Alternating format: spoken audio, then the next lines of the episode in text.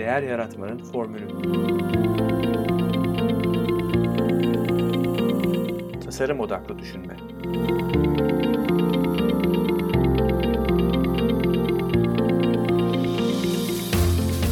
Merhaba, Mete Yurtsever ben. Değer Yaratmanın Formülü podcastinin ev sahibiyim.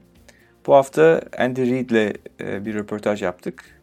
Andy'yi yaklaşık 10 e, senedir tanıyorum. İlk tanıştığımızda e, bir inovasyon projesinin içerisindeydik ve Andy fasilitasyon yapıyordu. Bu fasilitasyon kelimesi de zor, Türkçe'ye çevirmesi zor bir şey. Yani kolaylaştırıcı diyorlar. İşte workshop'u yöneten kişi nasıl söylerseniz. Andy'yi o zaman da çok beğenmiştim ve çok etkilenmiştim performansından, enerjisinden.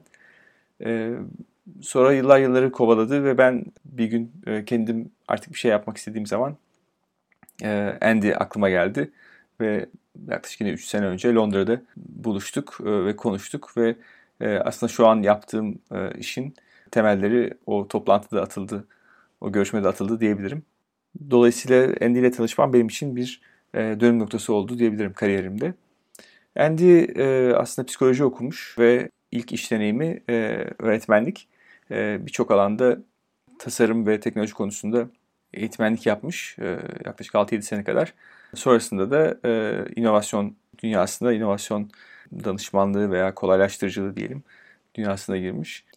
Son 15 yılda 200'den fazla bu tür workshop, toplantı e, yapmış ve e, 30'dan fazla ülkede, e, 60'tan fazla marka için oldukça büyük bir deneyimi var bu konuda. Andy ile bu az sonra dinleyeceğiniz görüşmeyi biz de İstanbul'da bir kafede yaptık. E, aslında sokak üzerinde. Dolayısıyla arka planda birçok ses duyacaksınız. Şehrin yaşayan İstanbul'un e, seslerini.